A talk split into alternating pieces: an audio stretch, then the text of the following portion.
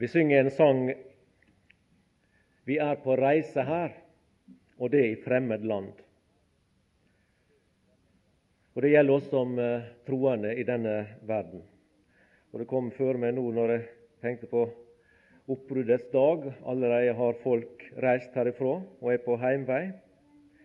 Og vi som Guds barn er også på heimvei. Og Det var en som sa det slik en gang at eh, det beste ved ei reise, det er å komme hjem. Og det er det også i denne sammenhengen. Det er godt å leve med Jesus her mens vi vandrer i samfunn med Han. Men det beste, det er å komme hjem. Og det er denne hjemkomst vi har vært opptatt med i de timene jeg har hatt, og som vi også skal eh, fortsette litt med i dag, men da mest med tanke på at eh, denne forvissning av at Jesus kommer igjen, og denne forventning som burde leve i våre hjerter, at den skulle ha en eh, påvirkningskraft på våre liv mens vi lever her i troens strid. En av de mest eh, hjertevarme og kanskje mest rørende beretninger i hele Bibelen gjerne, eh, finner vi i Esras bok. Og Vi skal slå opp der nå til å begynne med. Det er kong Kyros som gir en proklamasjon. Han sender ut en beskjed, et dekret. Han er blitt pålagt noe av himmelens Gud. Og Vi leser der i vers 2 i Esras bok, kapittel 1. Så sier Kyros, kongen i Persia, Herren, himmelens Gud, har gitt meg alle jordens riker og han har pålagt meg å bygge ham et hus i Jerusalem i Juda. Han hadde blitt pålagt av Herren, himmelens Gud, å bygge Herren et hus i Jerusalem. Og Så ser vi i vers 3 at han eh, oppfordrer og utfordrer og kaller til innsats. Han vil ha frivillige som kan eh, stille seg i dette byggearbeid og bygge tempelet. Er det noen blant dere av alt hans folk, så være hans Gud med ham, og han kan dra opp til Jerusalem og bygge Herrens, Israels Guds hus. Og Når vi leser her videre i Esras bok, så finner en ut at eh, det var ca. 42 000 personer som svarte på denne utfordringa, og som reiste for å være med i dette byggearbeidet. Og Så bygde de et alter, og deretter så la de grunnvollen til tempelet. Og Vi leser i, vers, eh, i kapittel 3, i vers 10 og litt utover. og Det er i grunn det jeg vil bruke som et bilde på gjensynsdagen i møte med den Herre Jesus. Og Da bygningsmennene la grunnvollen til Herrens tempel, ble prestene stilt opp i embetsgrud med trompeter og de levitter som var Asafs etterkommere med symbler for å prise Herren, således som Israels kong David hadde foreskrevet. Og de sang Herren lov og pris, fordi Han er god, og Hans miskunnhet mot Israel varer evinnelig. Og alt folket brøt ut i et stort fryderop og priste Herren fordi grunnvollen var lagt til Herrens hus. Men mange av prestene og levittene og familiehodene de gamle som hadde sett det første hus, gråt høyt da de så dette hus ble grunnlagt, mens mange jublet høyt av glede. Folket kunne ikke skjelne lyden av gledesjubelen fra lyden av folkets gråt, for folket jublet så høyt at det hørtes lang vei.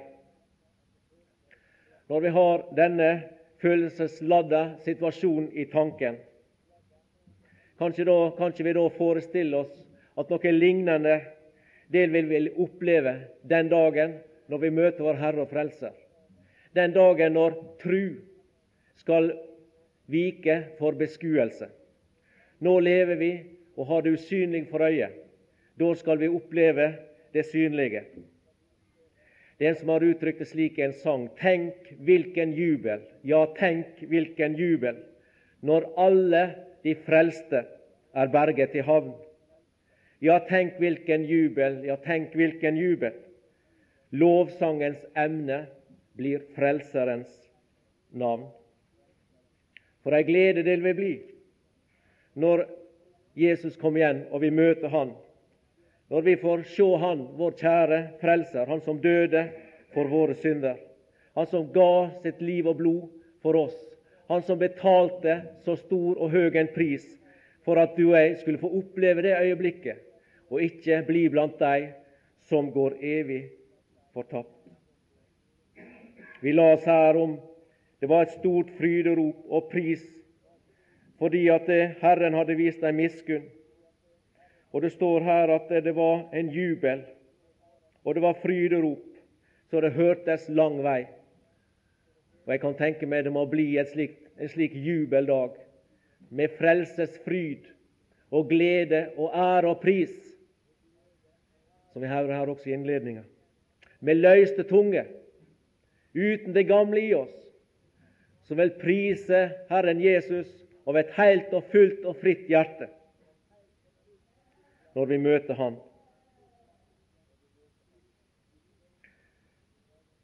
Når vi går inn i Faderhuset, så vil vi, vil vi få oppleve all himmelens herlighet. Og hjertene våre vil som aldri før bli fylt av glede og fryd. Og du og jeg får være med i denne store jubelskare for Herrens trone, som priser vår Gud og vår Far og vår himmelske Frelser gjennom evigheters evighet. Hvilken dag det skal bli. Ja, det er uttrykket en annen sanger. Hvilken dag det skal bli når Jesus jeg får se, når for hans fot jeg kneler ned, som en gang døde i mitt sted. Når han tar meg ved sin hånd og leder meg til løftets land. Hvilken underfull dag det vil bli. Og denne visshet og denne forventning som lever i våre hjerter, og som jeg håper at Guds ord også i denne samlinga har vært med på å fornye og forsterke i våre liv, den bør ha og har virkninger i dette mitt liv. Og Jeg vil nevne tre virkninger. Det ene var jeg inne på litt i går, men jeg tar det igjen nå. Håpet om Jesus snarlige komme det bringer trøst inn i gudsbarnets hjerte og i gudsbarnets liv. Trøst av hverandre med disse ord leser vi i 1. Salonika-brev 4 og kapittel, 18, eh, kapittel 4 og vers 18. Trøst da hverandre med disse ord. Og når vi møter sorg, og vi møter motgang, og vi møter motstand, og vi møter de mange ting i livet, Ingen av oss går klar det. Ingen av oss går fri det. Så vil disse ordene igjen og igjen komme til oss og oppmuntre oss og trøste og hjelpe oss i vår daglige trengsel. At Herren kommer, og at Han kommer snart. Og at det er Herren selv som skal komme ned, og ingen annen. Og at Han skal ta seg av oss. Han skal samle oss med alle sine til et herlig møte med Han. Det gir trøst i hjertet. Muddi brukte å fortelle i denne sammenheng en fortelling som jeg las. Han fortalte det at eh, ved Adriaterhavets kyster så var der noen små landsbyer. Og inne i disse landsbyene så hadde kvinnene og mennene en spesiell måte å gjøre det på når mennene rodde på fiske. Så rodde de på dagen, om morgenen ut på fiske, og de kunne være ute hele dagen. Og eh, når kvelden kom og mørket falt på, så hadde kvinnene den daglige vane at de gikk ned til stranda i samla flokk. Og så stilte de seg opp der ved vannkanten nede ved stranda. Og så sang de utover havet første verset av en kjent og kjær sang som de kunne så godt så sang de den utover og utover i nattens mørke. For de visste at mennene deres var der ute og fiska i fiskebåten. Og så stilte de seg opp etterpå, og så lytta de. I kveldens stillhet der, så sto de der inntil det at de hører et gjensvar der utifra. Og på vindens makt og bølger, om vi så skal bruke det uttrykket, så brakte de tilbake et svar fra de som var der ute og fiska. Og det var alltid slik at kvinnene sang det første verset. Hvilken sang det sto ikke noe om. Men kvinnene sang det første, og mennene svarte med det andre verset av den samme sangen. Så fikk de et gjensvar tilbake. Det var mennene som sang tilbake et svar inn til de som sto på stranda. Og Da var kontakta oppretta. Da visste kvinnene at alt var vel, at alt var som det skulle være der ute på havet. De så ingenting. Mørket skjulte dem. Men svaret på sangen ga dem visshet om at alt sto bra og vel til, og at alle var lykkelige. Kanskje du og jeg også, som et Guds barn i denne verden. Her er så mange stemmer og så mange, mye larm og bråk omkring oss.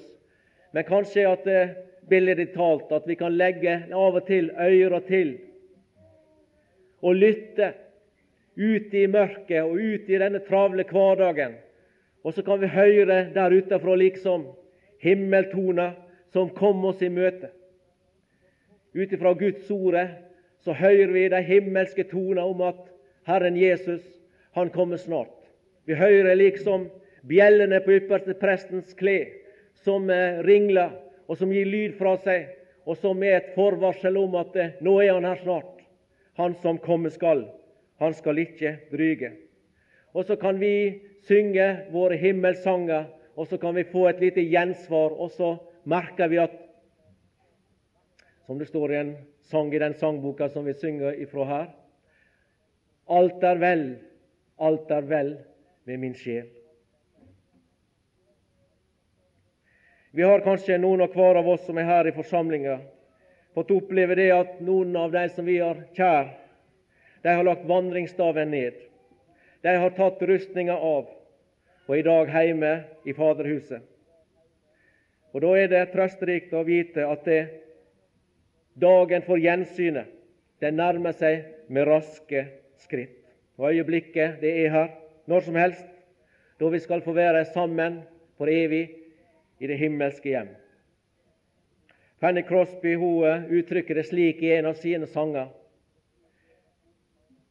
Og de kjære i eden, de dreg hugen over jord, helst når skilnadsstunda her eg hugsar på. Og de synger velkommen når eg kjem i himmelkor. Men det største vart min frelser der å sjå. Ja, som Guds barn så har vi dette herlige løftet om gjensyn og gjenforening med våre kjære. Vi skal aldri mer kjenne smerten med å være fra hverandre, eller hjerteverken som vi kan ha inni barmen over den tomme plassen i heimen.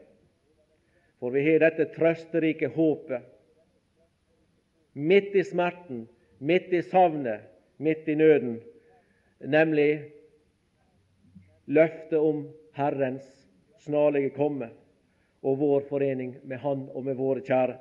Slik som vi finner det i 1. Tessalonika-brev, det fjerde kapittel, og disse versene som vi har lest, og som jeg leser igjen for siste gang på denne samlinga.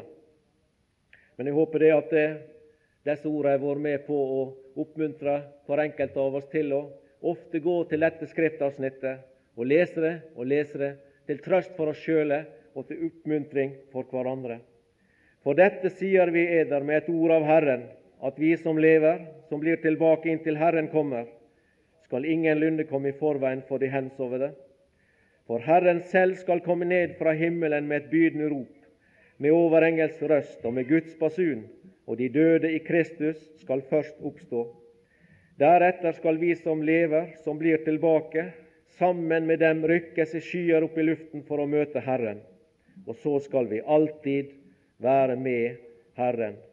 Trøst av hverandre med disse ord. For det andre så skulle løftet om Jesu nære komme være med på å ha en rensende effekt i våre liv. Eh, vi skal lese et vers i 1. Johannes brev, det tredje kapittel. Det er vers 2 og 3. Jeg las det andre verset i forrige time, men nå tar vi også med det tredje verset. I elskede, nå er vi Guds barn, og det er ennå ikke åpenbart hva vi skal bli. Vi vet at når Han åpenbares, da skal vi bli ham like, for vi skal se ham som han er. Og hver den som har dette håp til ham, han renser seg selv, like som han er ren. Og hver den som har dette håp til ham, håpet om gjensyn, håpet om å bli med når Herren åpenbarer seg, håpet om at når det skjer, at vi da skal bli ham like, for vi skal se ham som han er. Hver den som har dette håp til ham, han renser seg selv like som han er ren. Jeg las om en mann som eh, kom på besøk til en liten skole. Skolen var så liten at eh, alle elevene de gikk i samme klasserommet. Og Han eh, snakka med dem. Hva han snakka med dem om, det veit ikke jeg. Men i hvert fall så, mot slutten av Eh, den stunden han var der og snakka med elevene, så eh, ga han det løftet at eh, den eleven som hadde den mest ryddige pulten når han kom igjen, den eleven skulle få en premie. Han nevnte ingenting om når tid han skulle komme igjen. Og Mannen han var ikke mer enn ut av døra og bort fra skolen før Elevene begynte å diskutere fram og tilbake. Og eh, det var ei jente. Vanligvis så er jentene slik, i hvert fall den eh, erfaring jeg har i skolen, at eh, jentene de er ryddige og patentlige, og guttene er ofte noen sosekopper. Men her var det omvendt i dette tilfellet her. Det var ei jente som var kjent for å være litt av en rotekopp. Og Hun eh, sa med en gang med sikker og sjølsikker stemme at 'jeg skal vinne premien'. Og da eh, kunne ikke de andre elevene annet enn å flire. De kjente henne og visste hva hun sto for. Så de, hvordan i alle dager skal eh, det gå til at du skal vinne premien? Du har jo aldri orden på pulten din. Det er jo et eneste kaos hver eneste dag. Og så sier jo denne jenta Jeg starter nå, sa hun med en gang. Og så skal jeg holde orden hver mandagsmorgen, så skal jeg rydde pulten. Ja, men eh, så ble det diskutert videre, og så sa han men hvis han kommer på slutten av veka i stedet for på mandagsdagen, hva da? Da er det jo kaos. Ja, så tenkte hun seg litt om, og så sa hun at ja, eh, jeg skal rydde hver morgen. Hver morgen skal jeg starte med å rydde pulten. Men hvis han kommer på slutten av dagen, da, sier de, i stedet for begynnelsen av dagen. Og så tenker hun seg litt om igjen, og så sier hun og det var vel den eneste løsninga. Jeg bestemmer meg for det, sa hun, at jeg skal holde orden hele tida. Jeg skal holde orden hele tida. Og du har kanskje opplevd det eh, som eh, ungdom. og jeg kan ikke, Nå er det så lenge siden jeg var ung at jeg kan ikke si jeg husker tilbake om akkurat det. Men jeg kan godt tenke meg det. At eh, hvis eh, foreldre var på tur noen dager, og vi ungene skulle være hjemme alene, så var det alltid så mye spennende å holde på med at når vi da hadde spist og sånn, så var det enkelt å sette tingene på kjøkkenbenken. I de dager var det ikke oppvaskmaskin. Og For hvert måltid så kunne en sette fra seg kopper og kar på kjøkkenbenken. og Det kunne en gjøre første dagen, og det kunne en gjøre andre dagen, og det kunne en gjøre tredje dagen. Og Det som sto på kjøkkenbenken, det ble større og større innhold. Og plutselig så kunne det være sånn at tida den var gått, uten at vi kunne ane det. liksom Det gikk så fort. Å være hjemme alene det var spennende, og tida gikk så fort. Og så kom det liksom en ha-ha-opplevelse. I dag kommer de tilbake. Hva skal vi gjøre? Skal de møte dette rotet? Skal de Nei. Og da var det å sette i gang en felles dugnad. En oppvask som tok tre-fire timer, kanskje. Men en ville ha det ryddig når far og mor kom hjem. Du kjenner kanskje til det. Det er noe lignende i denne sammenhengen her som vi er inne på her. At hver den som har dette håp til ham, han renser seg selv, like som han er ren. Vi finner et uttrykk eller noen ord i Lukas 12 som jeg vil lese.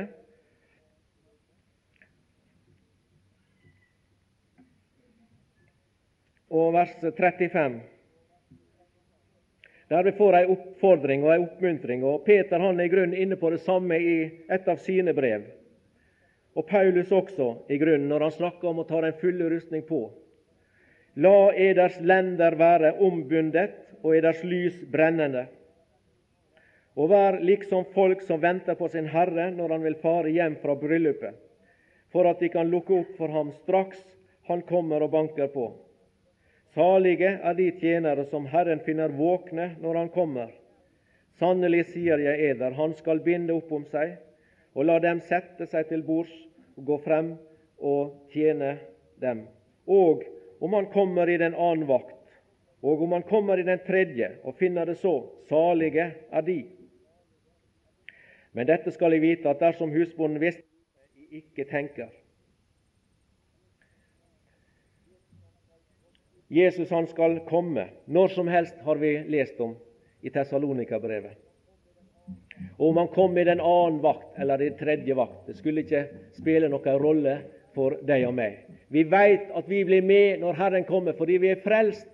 Så det er ikke det vi taler om her. Det er ikke vår stilling og vår stand det er snakk om, men heller vår tilstand. I hva slags tilstand vil Han finne oss når Han kommer? Og Her blir vi oppfordra til å la våre lender være ombundne og våre lys brennende. Og Du ser at eh, under der så er det henvist til Efeserbrevet 6 og 1. Peter 1. Både Paulus og Peter tar opp lignende tankeganger. Og også i 1. Eh, Johannes 2 kan vi lese et eh, vers. 1. Johannes kapittel 2 og vers 28. Og nå, mine barn, bli i ham, for at vi, når Han åpenbares, kan ha frimodighet og ikke bli til skamme for ham ved Hans komme. Ja, de ordene som vi har lest her, og det vi har hørt på dette kurset, det skulle være med på å oppmuntre deg og meg, være med på å påvirke deg og meg, være med på å tilskynde oss til å leve vårt liv til Jesu ære. Det hører vi så fint her i innledninga i formiddag også. Denne kvinna som ville vise Jesus ære, og gjorde på den måten hun kunne.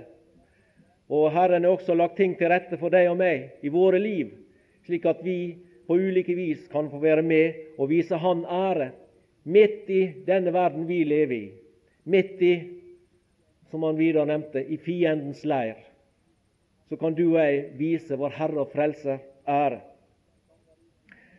En sanger uttrykte slik som ei bønn og et ønske, og jeg tror det ligger i alle troendes hjerte.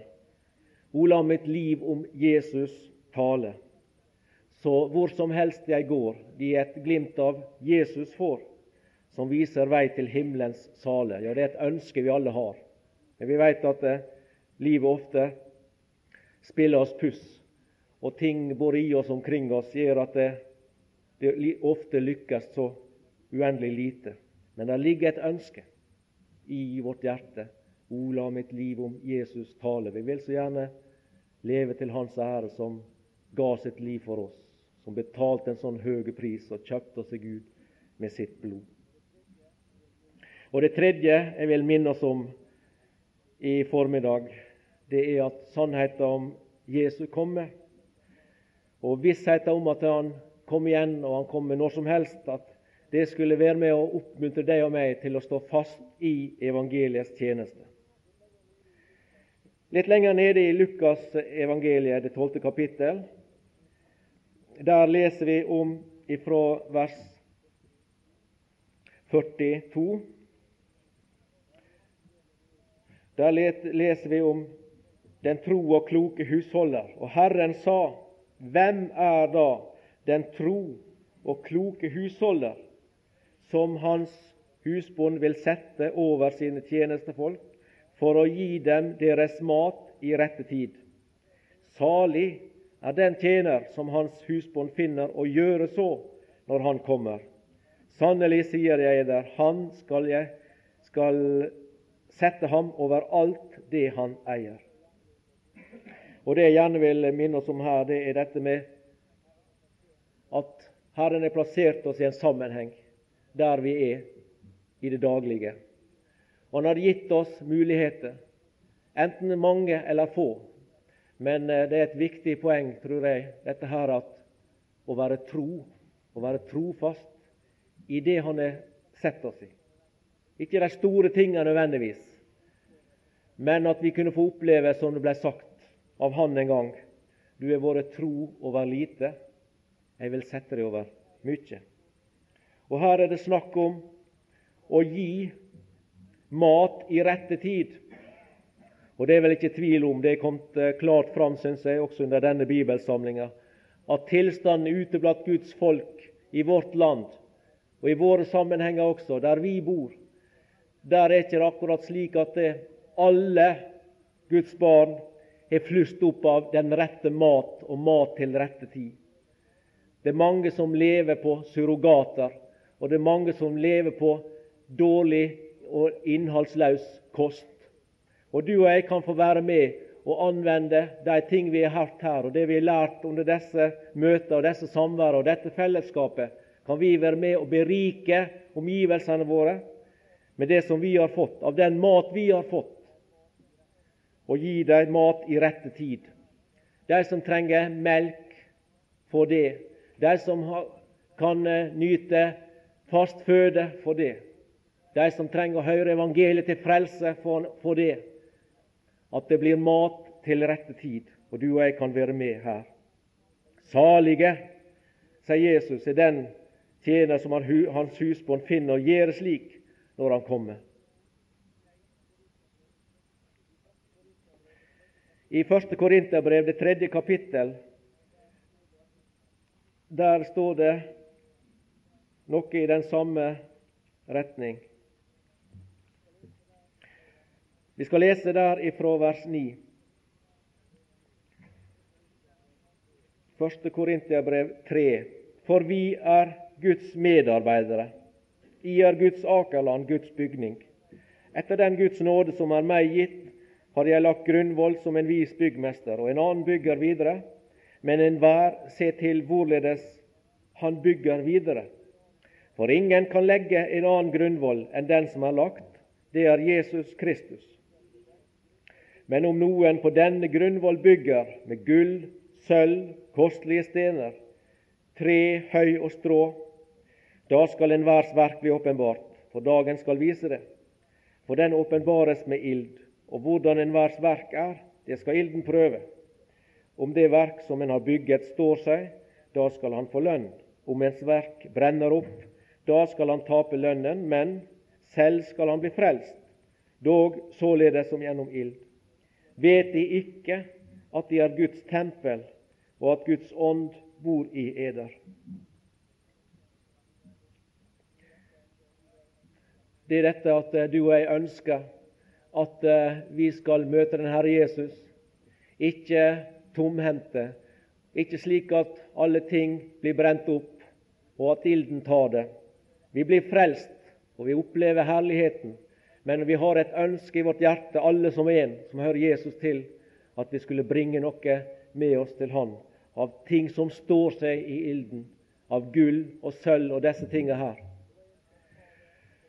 Det var en som sa det i forbindelse med at en, en mann døde. Det var en rik mann i bygda som eh, døde. Og så ble det stilt et spørsmål. Eh, hva etterlot han seg?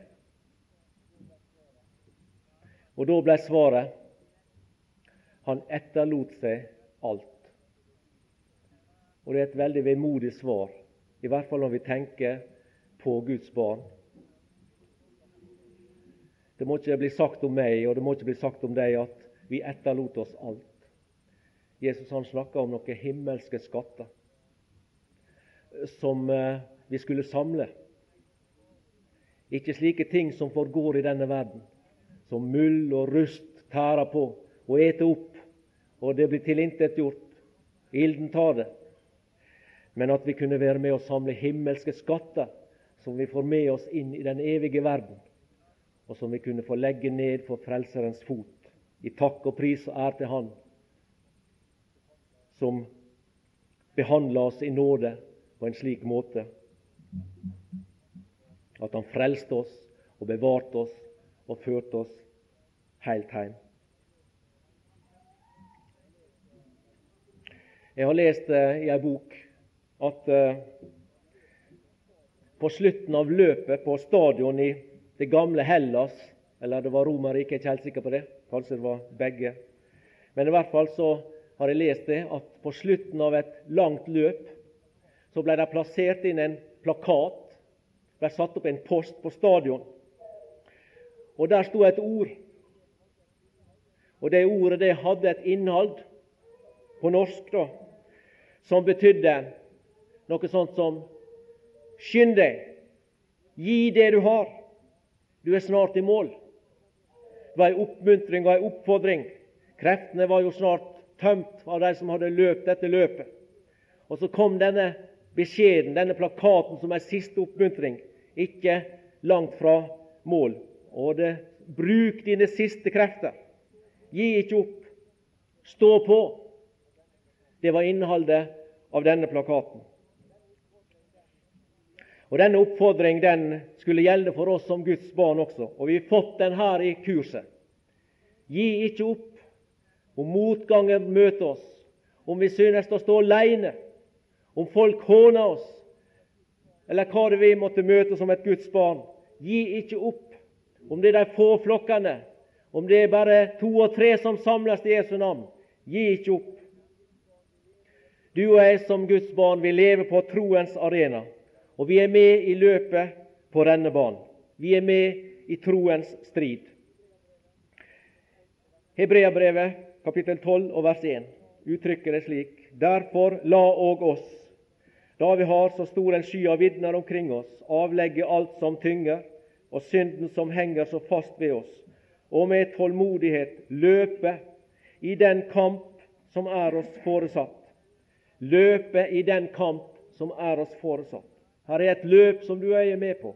Her er en kamp som er deg og meg foresatt. Og vi blir oppfordra her til å med tålmodighet være med i løpet og være med i kampen. I det vi ser på troens opphavsmann og fullender, Jesus, han som for den glede som ventet ham, led tålmodig korset uten å akte vanæren, og nå sitter på høyre side av Guds trone. Ja, gi akt på ham som tålmodig har litt en slik motsigelse av syndere, så I ikke skal gå trett og bli motløse i eders sjeler. Og i første Korinterbrev, det niende kapittel, og vers 24, står det slik Første Korinterbrev 24. Vet I ikke at de som løper på rennebanen, de løper vel alle, men bare én for prisen. Løp da således for at I kan vinne den. Hver som er med i veddekamp, er avholdende i alt, hine for å få en forgjengelig krans, men vi en uforgjengelig. Her er det snakk om et løp, og er det snakk om et, en veddekamp. Og i 2. Timotius brev der finner vi også et uttrykk. Det er Paulus som sier det. 2. Timotius kapittel 2 og vers 3 og 4. Lid ondt med meg som en god Jesu, som en god Kristi Jesu stridsmann. Stridsmann. Ingen som gjør krigstjeneste, blander seg inn i livets sysler for at han kan tekkes sin hærfører. Lid rundt med meg som en god Kristi Jesu stridsmann. Og Hvis vi blar litt bakover til kapittel 4, da kommer vi til slutten av Paulus' liv, og han kommer med et vitnesbyrd. Vi skal lese der fra vers 6. For jeg ofres allerede, og tiden for min bortgang er for hånden. Jeg har stritt den gode strid, fullendt løpet, bevart troen. Så ligger da rettferdighetens krans rede for meg, den som Herren, den rettferdige dommer, skal gi meg på hin dag, dog ikke meg alene, men alle som har elsket Hans åpenbarelse. Elsker vi Herrens åpenbarelse? Elsker vi tanken og vissheten og løftet om Jesu komme? Da sier Paulus her at også vi skal få oppleve den nåde og bli tildelt rettferdighetens krans. Men han uttrykker det her i vers 7. Jeg har stritt den gode strid. Det er troens strid. Du er jo også er med i. Fullendt løpet. Det er et løp for deg og meg også som et Guds barn. Bevart troen. Det er fortalt om eh, fra den amerikanske borgerkrigen at eh, det var en general som het Sherman, som eh, gikk gjennom Atlanta og skulle ned til havet. Og så etterlot han seg ei lita gruppe med soldater som skulle forsvare et fort oppe i fjellene. Og Grunnen til at han satte igjen denne gruppa med soldater, det var at dette fortet det inneholdt et stort lager med mat som var veldig viktig for hans folk og hans hær. Og Så hendte det at eh, det kom en annen general fra fiendens leir, en som heter Hodd. Han eh, angrep dette fortet, og det ble et, et veldig slag. Det ble en fryktelig kamp der. Og eh, Flere på begge sider falt eller ble såra. Og det var en sånn motstand der, eller angrep ifra Hods folk, at eh, det var like før de ga opp hele fortet. Ja, de var i ferd med å gi opp og liksom komme med det hvite flagget. At vi overgir oss. Men da hadde i mellomtida Sherman fått uh, vite hva som foregikk og han eh, vendte da tilbake. Og så fikk han på en eller annen måte ifra et høydedrag sendt en beskjed som ble oppfatta av folket inne på fortet. Og denne beskjeden, dette budskapet som kom, det var ganske kort. Men det, det hadde et innhold som fikk betydning for de som var der. Og det var ganske enkelt slik Hold fortet! Jeg kjem. Hold fortet, det kjem. Og denne beskjeden at generalen var på vei, det tente en ny glød i deres hjerte. Det ga dem nytt mot, og det førte til at de fikk nye krefter, slik at de sto på og holdt fortet inntil Generalen kom med sine tropper, og hjelpa kom fram, og fortet ble redda. Der er et slikt en slik oppfordring ifra, for å holde i bildet, vår himmelske general også. Hold fortet. Det første løftet ifra himmelen veit vi som kom etter Jesu himmelfart, det var løftet om hans gjenkomst. Og det siste løftet i Guds ordet, det er også løftet om hans gjenkomst. Hold forte. Ja, jeg kommer snart. Åpenbaringa 22,20. Jesus han kommer snart. Vi føler trengsler på så mange måter. Fienden omkring oss som vil legge oss ned, som vil angripe oss, med de brennende piler. Og vi kan ofte føle oss hjelpeløse og motløse og nedbøyde og nedtrykte. Men dette skulle være med på å oppmuntre oss og være med på å gi oss nytt mot, nye krefter, inn i den tid vi lever i, at Jesus kommer snart. At du og jeg skulle vise mot og med tålmodighet, som blir uttrykt. Held det forte som gode Kristi Jesu soldater. Vi er blitt minnet her om å vise Herren ære. Vi er blitt minnet på kurset om å være med og bygge muren, med å stå på og bevare denne tro etter troens ord som er blitt oss overgitt, og som vi har fått tatt imot, og som vi har et ansvar for å gi videre til andre. Og Jeg vil slutte med en oppfordring til meg sjøl først og fremst, men også til deg.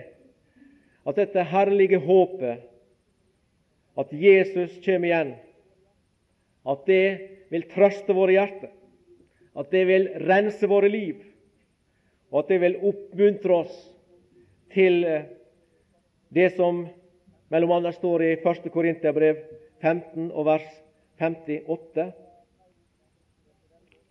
der Paulus uttrykker det på denne måten. Derfor, mine elskede brødre, vær faste, urokkelige, alltid rike i Herrens gjerning, da I vet at eders arbeide ikke er unyttig i Herren. Og til slutt Titus kapittel 2, ifra vers 13. At vi står faste, urokkelige i Herrens gjerning, mens vi venter på det salige håp og åpenbarelsen av den store Guds og vår Frelser Jesu Kristi herlighet, Han som ga seg selv for oss for å forløse oss fra all urettferdighet og rense seg selv et eiendomsfolk, nidkjært til gode gjerninger. Ja, jeg takker deg, Herre Jesus, for at eh, vi får leve i forventning av ditt komme. Takk, Herre Jesus, at det er godt å vite at eh, reisa den er snart slutt. Men vi, du har gitt oss et oppdrag her i denne verden mens vi er her, og mens vi venter på deg og det er å tjene den levende Gud og vente på Hans Sønn fra himmelen.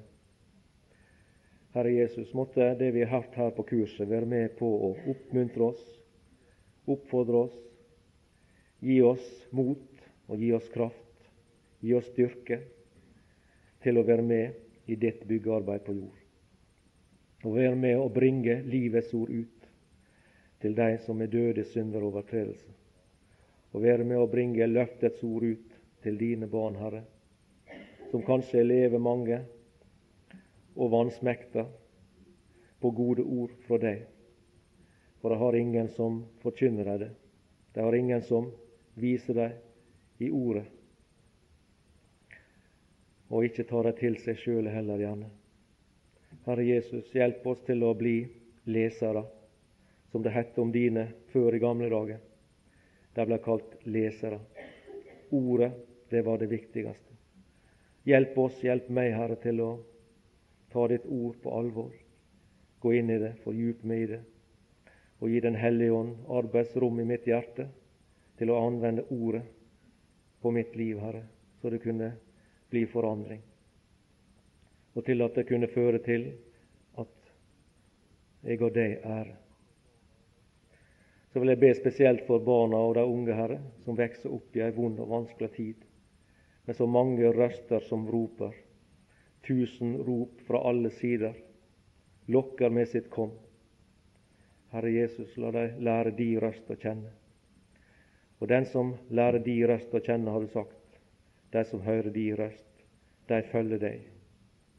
Og så får vi følge deg gjennom livet, Herre, inntil vi når det herlige land. Ta det av hver enkelt av oss, Herre. Ta det av våre familier. Kall på de som ikke er frelst. Og vær med oss i fortsettelsen når vi reiser hver til vårt. Og la oss få være små himmellys på våre heimplasser, til ære for ditt navn og til hjelp og velsignelse for andre. Amen.